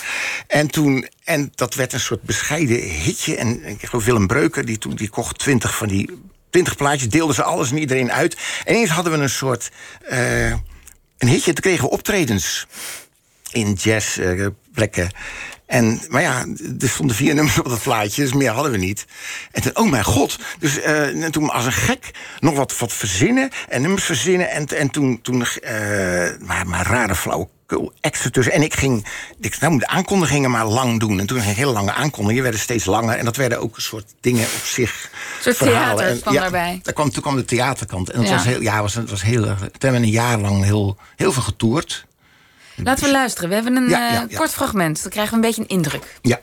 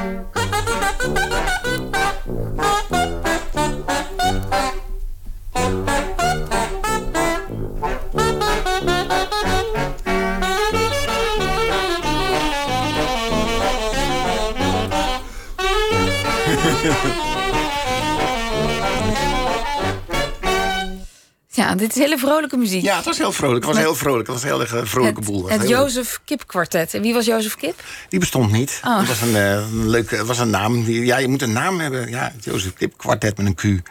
Ja, maar ook nog daar, ook met uitbreiding. Twee mensen hadden we het Opel Cadet Sextet. Waren we dan ook. En, ja, het Opel Cadet, Sextet. Ja.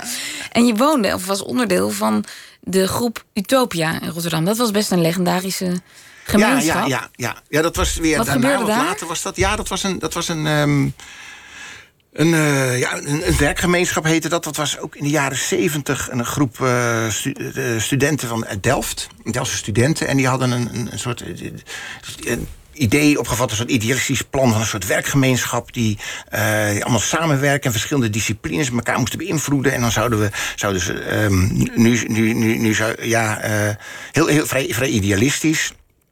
En uh, ja, dat, dat ging. Ja, god. Ik weet eigenlijk niet wat toen. In de begintijd ben ik er niet helemaal bij geweest. Dus ik weet niet wat toen de ideaal. Nu, nu, zou, nu zou je denken: uh, allemaal, uh, allemaal uh, alles CO2-vrije uitstoot, mm -hmm. elektrische. De, maar de zonnepanelen. Idealistische club. Idealistisch. Ja, maar ook, ook, wel, ook wel een idee van aantal werkplaatsen en dan elkaar beïnvloeden. Er zat, er zat een metaalwerkplaats bij, een houtwerkplaats bij. Er waren, waren ingenieurs, architecten, een, een, een, een, een, een zeefdrukkerij en, een, en, en ook een, een, een, een zaal een, een, een, om, om op zo heet het, noem je het, een, eh, een, een, een half podium, vier. Een podium, ja, een podium.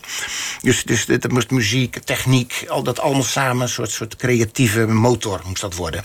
En dat met dat idee is toen naar, uh, de, naar de wethouder gegaan, havenzaak in Rotterdam.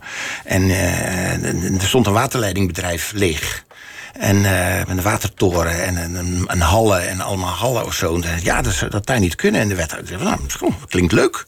Nou, hier heb je de sleutel, uh, ga maar proberen. dat was echt in die tijd... Uh, dan kon dat gewoon. En, en, wat heb jij daarvan meegekregen? Of wat heeft het voor jou betekend? Ja, nou, ik weet niet wat ik ervoor betekend heb. Maar nee, maar zij voor jou? Voor mij. Nou, het was, het was, het was wel... Het was, ik, ik, ik heb er een, een, aantal, aantal jaren bij geweest. Later, later erbij gekomen. En uh, ja, het was, heel, het, was, het was heel... Een atelier, wat heel bijzonder was. Heel fijn, fijn atelier. En, en um, de, onder andere is daar... Een aantal die architecten die daar zaten... hebben mij de maquettewereld ingetrokken. Dus dat is heel direct al een... Uh, ja. enorme invloed geweest.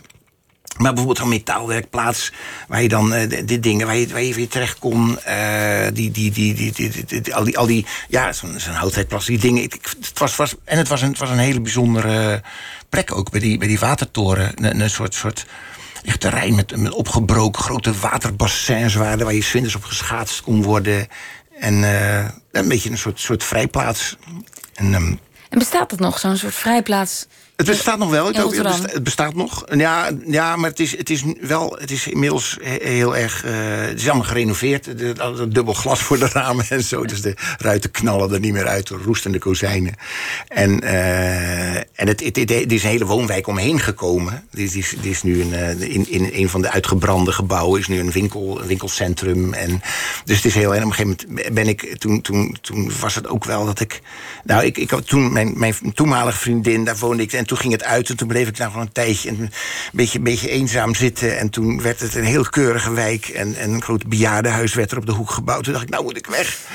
En toen, toen dacht ik, nou, nou wil ik wel eens voor het eerst in mijn leven midden in de stad wonen. Dat had ik ook nog nooit gedaan. En dat ben ik toen gaan doen. Gaan doen. woon ik nog steeds in dat huis. Oh ja? Ik kom nooit meer weg. En, en, het belang van dat soort plekken, voor jou heeft het dus heel veel betekend. Jazeker. Er wordt altijd een soort pleidooi gehouden. Hè? Er moeten veel broedplaatsen zijn ja. in steden. Ja. Want daar komen mooie dingen vandaan.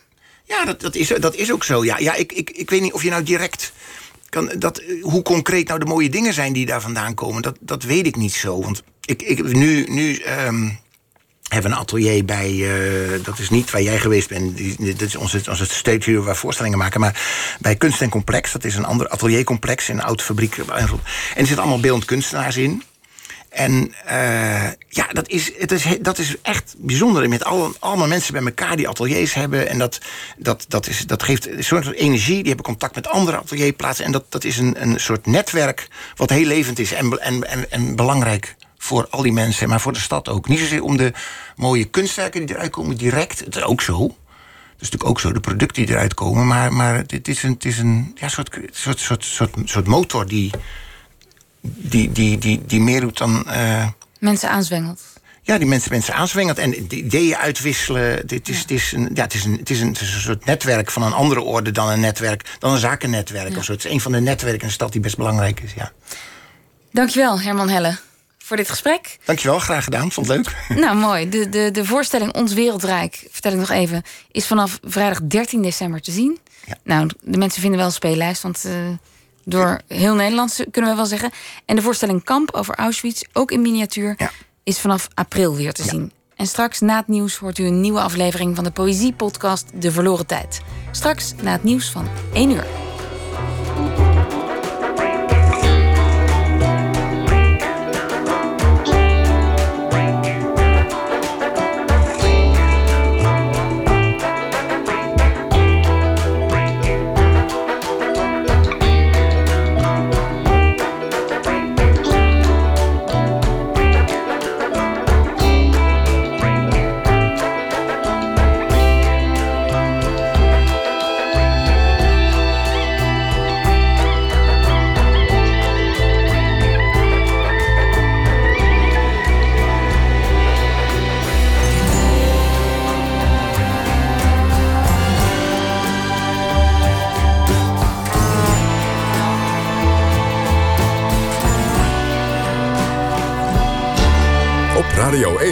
Het nieuws van alle kanten.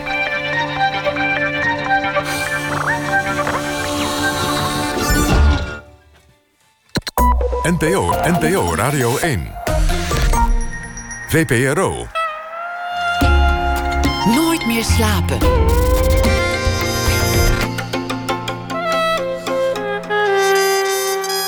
Met Liesbeth Staats. Welkom terug bij Nooit meer slapen. De Verloren Tijd is een serie van literair podium Perdu over poëzie en experiment. In deze aflevering gaat Alma Abt in gesprek met Maria Barnas en Nathalie Bruis over een audiowerk dat zij voor de podcast hebben gemaakt.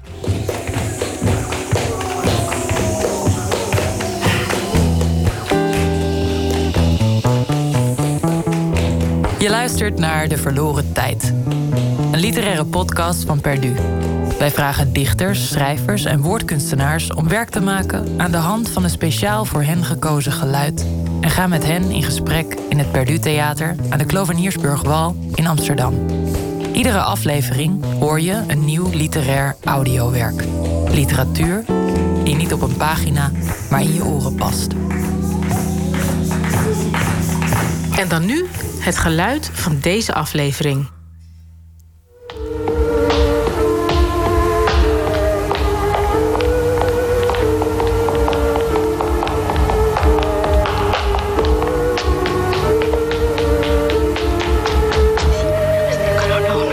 Welkom bij deze aflevering van De Verloren Tijd. Uh, mijn naam is Alma Abt en mijn meervoudige gast vandaag... Nou, dat zijn Maria Barnas en Nathalie Bruis. Maria Barnas is dichter, romanschrijver en beeldend kunstenaar. Nathalie Bruis is geluidskunstenaar. En samen maken jullie werk dat poëzie en audiowerk bij elkaar brengt.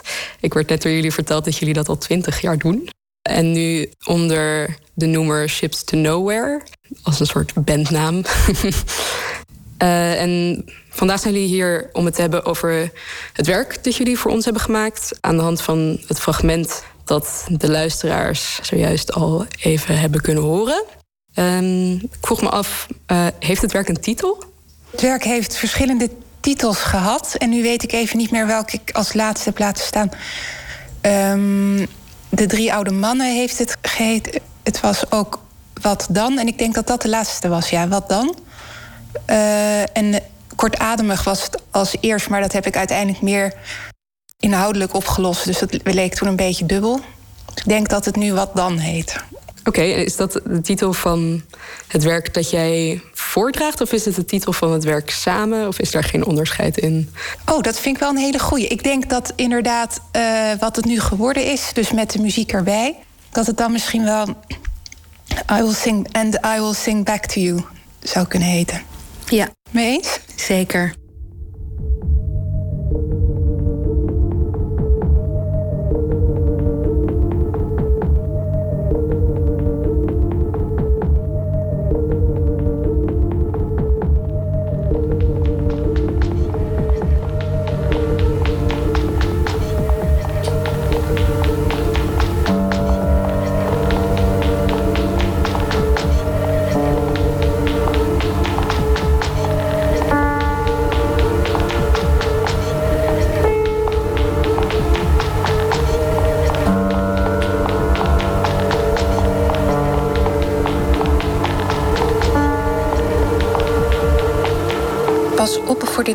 Oude mannen, zeiden de moeders van de moeders. En ik hoor hun stemmen in de stemmen van mijn moeder, die ik hoor in mijn stem, die tegen het eind van de zin naar adem hapt. Ik heb hun brede heup, hoge jukbeenderen onder bolle wangen waarmee het goed zuchten is. Korte tenen, punt ellebogen als wapens en krakende, maar lenige gewrichten waarmee het goed vluchten is, zei de moeder van mijn moeder en. Mijn vader stierf niet toen de mijn instortte. Dirigenten van harmonieën die je vader zijn, sterven niet, zij komen om. Daarna was alles anders, hoewel hij dood bleef. En ik schreeuwde niet, hij is dood.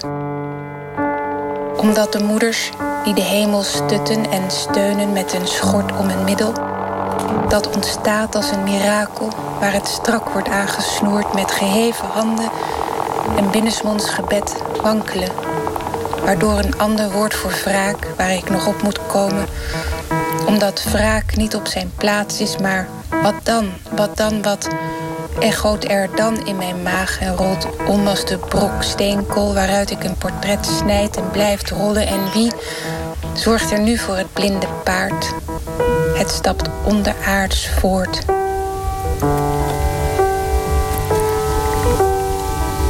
Het is mogelijk, zeggen de moeders van de moeders, dat blinde paarden leren draven en wie weet wel in galop naar een veld zonder schachten naar het gras en galopperen in het licht. Pas op voor de drie oude mannen. De mijnen storten in en de steenkool vergruist tussen mijn vingers. Wie te lang polijst houdt niets en niemand over. Waar moeten de diamanten dan vandaan komen? En de schone dochters, ze groeien niet van de wind. De aardappels zijn net als de soep die we kookten van de laatste schillen. De aarde vult haar leemtes in met gruis. Speel liever niet aan de rand. Laten we ons wassen in een tobbe regenwater. En niet bang zijn dat ze elk moment achterom komen. Laat ons regenen. Laat ons.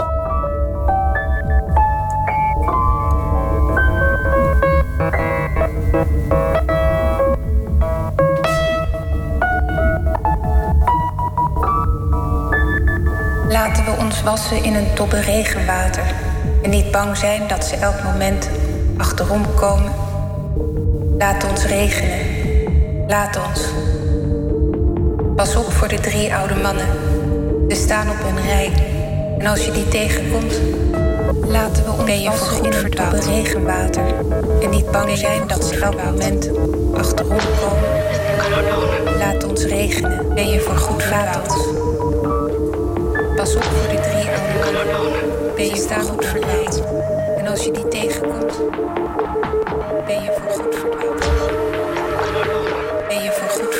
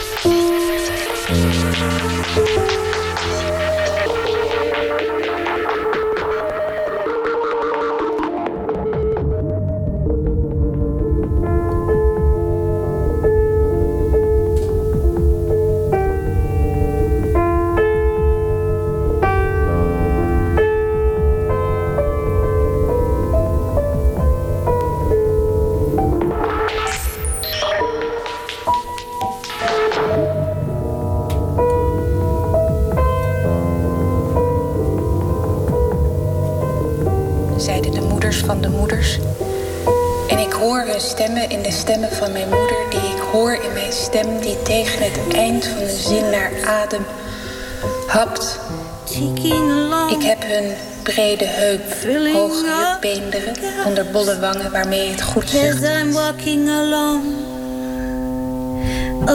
Stem die tegen het eind van de zin naar adem hapt. In the evening that seems so long.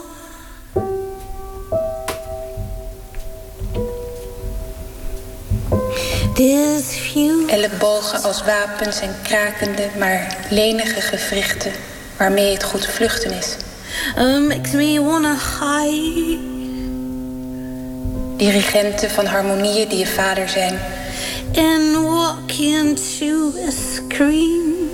Daarna was alles anders, hoewel hij dood bleef. A playful movie, it's all it seems like. Omdat de moeders die de hemel stutten, These footsteps dat ontstaat als een mirakel.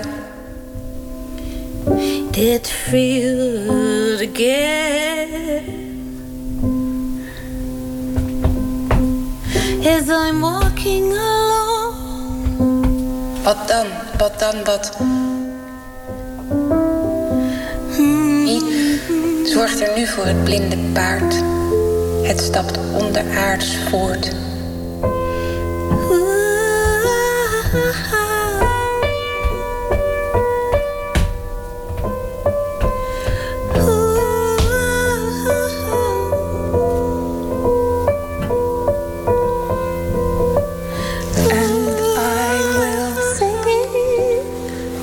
To you, and I will sing back to you, back to you, back to you, back to you, and I will sing back to you.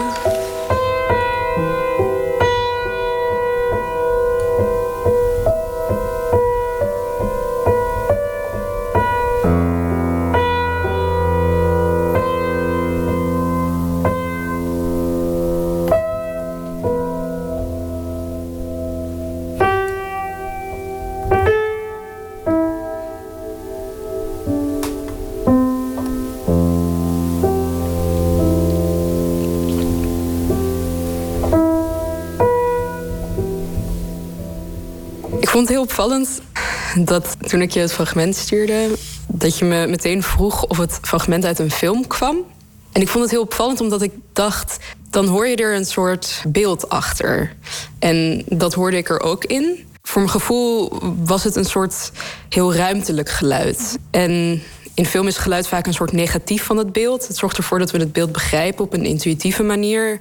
Maar het is juist hetgene dat ongemerkt gaat. En dat functioneert juist als het niet opvalt. Ik had het gevoel dat jullie die ruimtelijkheid heel erg aan hadden gepakt. En daarmee speelden in het werk. Ik hoorde het als allereerst als een soort steegje, eh, hoorde ik. Maar het is heel raar dat je een steegje kunt horen. Maar ik had het gevoel, ja, daar rent iemand.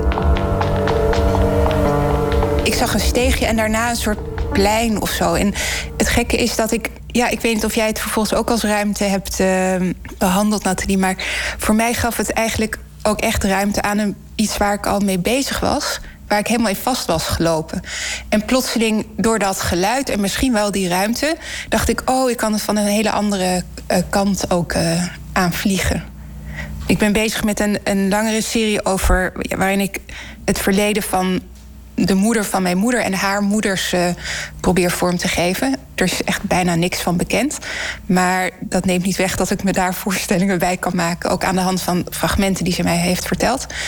En ik denk dat ik misschien ben vastgelopen omdat ik het steeds heb proberen echt te doen. Terwijl toen ik jouw fragment kreeg en een steeg hoorde, ik dacht een paard te horen, kon ik het opeens via die steeg en dat paard uh, aanvliegen. En ging het opeens weer stromen of zo. Het is mogelijk, zeggen de moeders van de moeders, dat blinde paarden leren draven. En wie weet wel in galop naar een veld zonder schachten, naar het gras en galopperen in het licht. Ik moest er ook aan denken. Je had het over de moeder van de moeder van de moeder. En ik moest ook denken aan de manier waarop bij families er tegelijkertijd een soort doorgegeven element is. Het genetische, maar ook het psychologische aspect. Maar dat elke generatie ook weer een breuk is. Een soort veranderingsmoment. En een soort kans om, om het doorgegevene te muteren tot iets nieuws. In een letterlijke zin, maar ook in een metaforische zin. En het voelde alsof, alsof je daar, daarmee aan het worstelen was. Wat, wat is het breekpunt? Wat is het, hetgene dat zich nog doorwerkt door die lagen aan zand van de geschiedenis? Ik vind dat je dat heel mooi beschrijft. En ik denk ook dat ik op dat punt ben aangekomen, inderdaad. Want elke reflectie op een verleden, en zeker als, als je daar niet meer bij kunt omdat het gewoon verdwenen is, zeg maar, is natuurlijk een, ja, ook deels imaginair, wordt fictief. En ik vind het best lastig van, zeg maar, hoe, hoeveel moet je proberen van dat verleden te weten komen, hoeveel moet je boven tafel krijgen en wanneer is, het, ja, is dat ook genoeg? Moet je gewoon daar je eigen verhaal van maken? Aan de ene kant wil ik heel graag mijn grootmoeder en haar moeders, die niet gehoord zijn in de geschiedenis, een stem geven. Daar voel ik ook bijna een soort verantwoordelijkheid uh, voor. En ik hoor hun stemmen in de stemmen van mijn moeder, die ik hoor in mijn stem, die tegen het eind van de zin naar adem hapt. Ik heb hun brede heup, hoge heupbeenderen, onder bolle wangen waarmee het goed zit. Uh, aan de andere kant wil ik ze ook niet altijd heel te veel vervormen. Dus voel ik ook de verantwoordelijkheid van... ja, zodra ik dat op papier zet, vervorm ik ze. Geef je ze een vorm die nooit hun eigen vorm kan zijn. En ja, heb ik ook het gevoel dat ik moet antwoorden op wat, hoe zij toch de hele tijd in mij zijn. Dus ik, ik moet ook terugzingen. Dus ik moet ook voor mezelf uh, blijven zorgen. En uh, ik kan niet alleen maar in hun verhaal blijven zitten. Dus ik moet ook iets terugzeggen. Dus misschien ja, is dit op een andere manier dat breekpunt inderdaad. Dat zijn ja, tegengestelde krachten of zo. En ja, het levert wel iets op, gelukkig, uh, voor de, om over te schrijven. Maar het is niet dat ik het kan. Ik kan het dus niet oplossen, zeg maar. Het is inderdaad een soort breekpunt. En ik ben heel blij dat het uh, in de bewerking van uh, wat, wat jij ermee hebt gedaan, ook weer op andere manieren nog eens gaat resoneren. Omdat ik het heel fijn vind dat als dingen gewoon even ruis zijn ook of um, echo's of uh, alleen maar klank, dat dat misschien nog wel meer zegt dan een uh, beschrijving in woorden. Ik heb een hele. Ik heb bladzijden aan snel opgeschreven notities uh, van verschillende associaties die ik had. En een ervan was dat het voelde als een soort bijna compulsieve herhaling en herhaling en herhaling. Zoals je soms over herinneringen telkens maar weer heen gaat. Totdat je ze ook een beetje eigenlijk aan het wegvegen bent door, door dat proces. Maar het lost ook op een bepaalde manier op in, in emotie. Um, door die herhaling kom je uiteindelijk uit bij, bij iets dat daaronder ligt. Iets dat die herhaling aan het drijven was. En aan het einde van je zang ben je ook niet meer tekst aan het zingen, maar gewoon geluid aan het maken.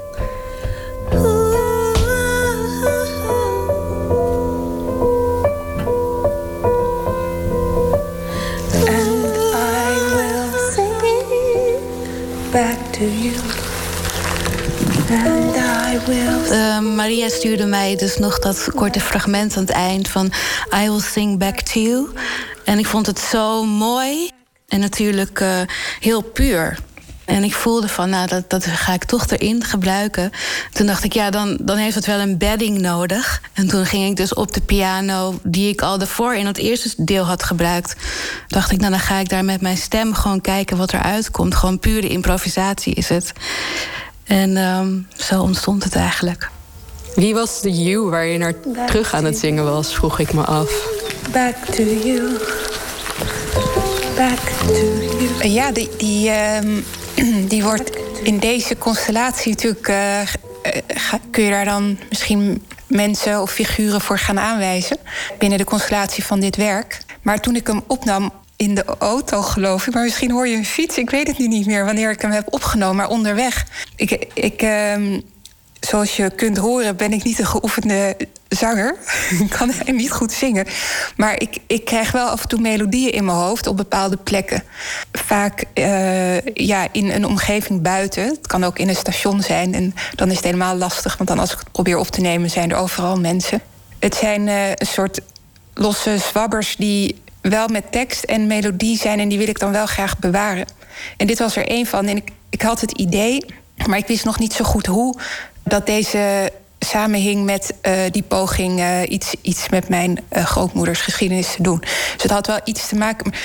Maar ik denk nog meer het verleden in het algemeen, het onkenbare verleden, dan precies mijn grootmoeder. Het is het misschien ook wel zelfs gewoon alles wat op je afkomt. Dat je soms het gevoel hebt, ik moet hier iets tegenover stellen, nu is het genoeg.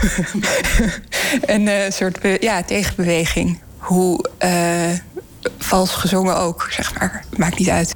Uh, het vreemde is dat in de poëzie ik doorgaans het gevoel heb, en dat is echt niet meer dan een gevoel, want ik kan het niet uh, terugherleiden tot uh, iets. Wie heeft mij nou ooit iets geleerd over poëzie? Dat zijn hooguit andere dichters. Of toch is ergens in mijn hoofd gaandeweg het idee ontstaan dat poëzie heel zuiver moet zijn. Um, en ik, ik ben daar ook altijd wel naar op zoek terwijl ik schrijf. Maar dat is ook mijn, mijn liefde voor geluid. Um, geluid is natuurlijk zo abstract. Je kan het niet zien, je kan het horen. En je kan er heel veel mee vertellen, waardoor het toch weer beeldend wordt, ook in je hoofd. Het neemt je mee naar andere lagen in het leven. En dat doet poëzie natuurlijk ook met woorden. Maar ja, geluid is daar gewoon een meester in, wat mij betreft. Um, want ja, in geluid kan, kan gewoon alles. Pas op voor de drie oude mannen. Ze staan op een rij. En als je die tegenkomt, laten we ons ben je goed verdwaald. regenwater. Het rare is dat dus mijn, mijn moeder wel een beetje benieuwd is, maar ja, nooit zelf die reis heeft ondernomen. Ik ben er inmiddels ook wel een beetje achter hoe dat komt. Mijn grootmoeder was er zelf niet zo heel trots op dat uh, wat haar achtergrond was. En heeft gewoon heel erg haar best gedaan om zo Nederlands mogelijk uh, te worden. En heeft ook amper gesproken over haar uh, verleden. Um, waardoor we heel veel moeten raden. En uh, ja, ik weet eigenlijk niet heel veel meer dan dat de vader van mijn oma is omgekomen in een mijn. Um, maar dat was waarschijnlijk niet in Katowice, maar in uh, Noord-Frankrijk, waar ze heen zijn gegaan. Die mijnwerkersfamilies werden vaak door heel Europa gestuurd, het Roergebied en Noord-Frankrijk. Ja, en, en, en de dingen die mijn oma mij verteld heeft. Um, en dat waren vaak ook sprookjes of uh, dingen als pas op voor de drie oude mannen. En dat was dan een Pools Poolse uitspraak, maar ja, geen Pool die dit kan bevestigen. Uh, ook heel raar. Hè? Mijn moeder of mijn oma heeft waarschijnlijk ook gewoon zelf heel veel verzonnen. Ze kon heel goed verhalen vertellen. En ik weet ook inmiddels niet meer zo goed of het er echt toe doet om alles maar uit te vinden. Maar goed, om dat te weten zal ik het toch moeten uitvinden. En dan kan ik dat achteraf dan misschien uh, zeggen. Op een gegeven moment zeg je.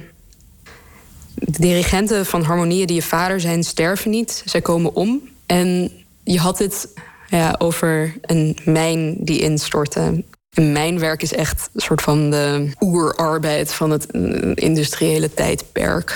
Dat heeft een soort heel beladen geschiedenis. Het niet sterven, maar het omkomen. Dat klonk voor mij als een soort bestuurstaal van tragedie. Dat het niet benoemd kan worden wat, wat daar gebeurd is. Het kan niet gewoon gezegd worden: die mensen zijn gestorven, maar ze zijn omgekomen. Ik heb een verhaal gehoord van een um, vrouw die iets meer weet van haar mijnwerkers, uh, families verleden.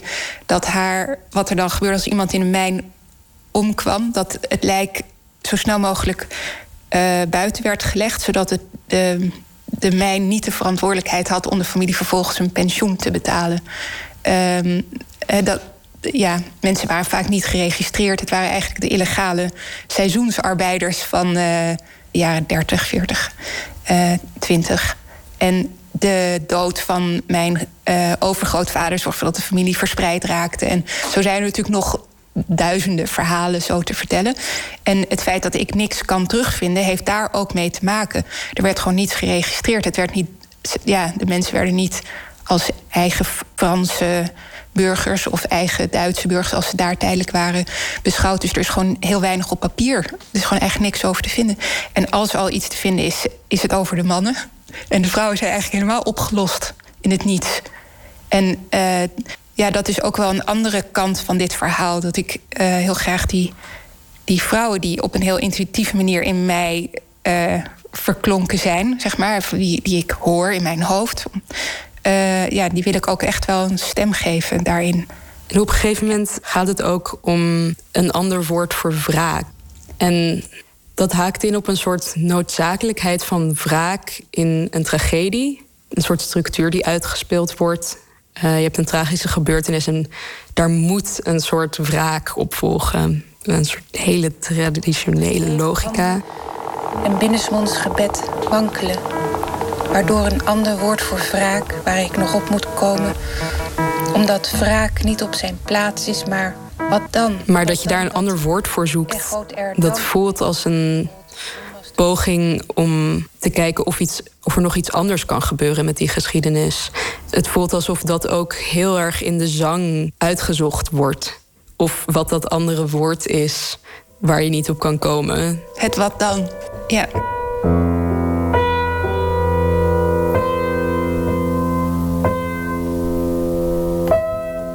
Dank jullie wel. Maria en Nathalie, voor het gesprek. En voor het maken van dit werk. Wat dan? Dankjewel, Anne. En bedankt aan alle luisteraars. Dit was een podcast van Perdu, Centrum voor Poëzie en Experiment in Amsterdam. Heel graag tot de volgende verloren tijd. Dit was De Verloren Tijd. Een podcast van Stichting Perdu. Platform voor poëzie en experiment in Amsterdam. Bedankt voor het luisteren en tot de volgende verloren tijd. Deze podcast kwam tot stand met steun van het Amsterdams Fonds voor de Kunst en het Nederlands Letterenfonds.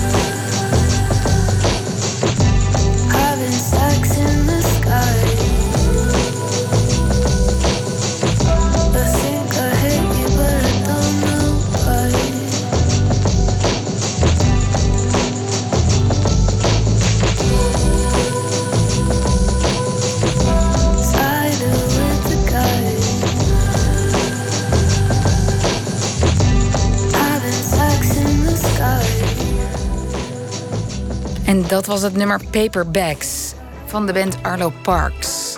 Ik vertel alvast iets over maandag. Dan gaat Pieter van der Wielen in gesprek met schrijver en journalist Geert Mak. In 1999 reisde Mak een jaar lang door Europa. In 2004 verscheen er een boek over zijn bevindingen in Europa... en daar werd ook een tv-serie bij gemaakt. Nu er het vervolg, het boek Grote Verwachtingen... over de periode 1999-2019. En de tv-serie heet In Europa de geschiedenis op heterdaad betrapt... en is te zien vanaf 22 december. Dat en meer aanstaande maandag. Nu volgt het hoorspel half uur. En ik wens u nog een heel goede nacht.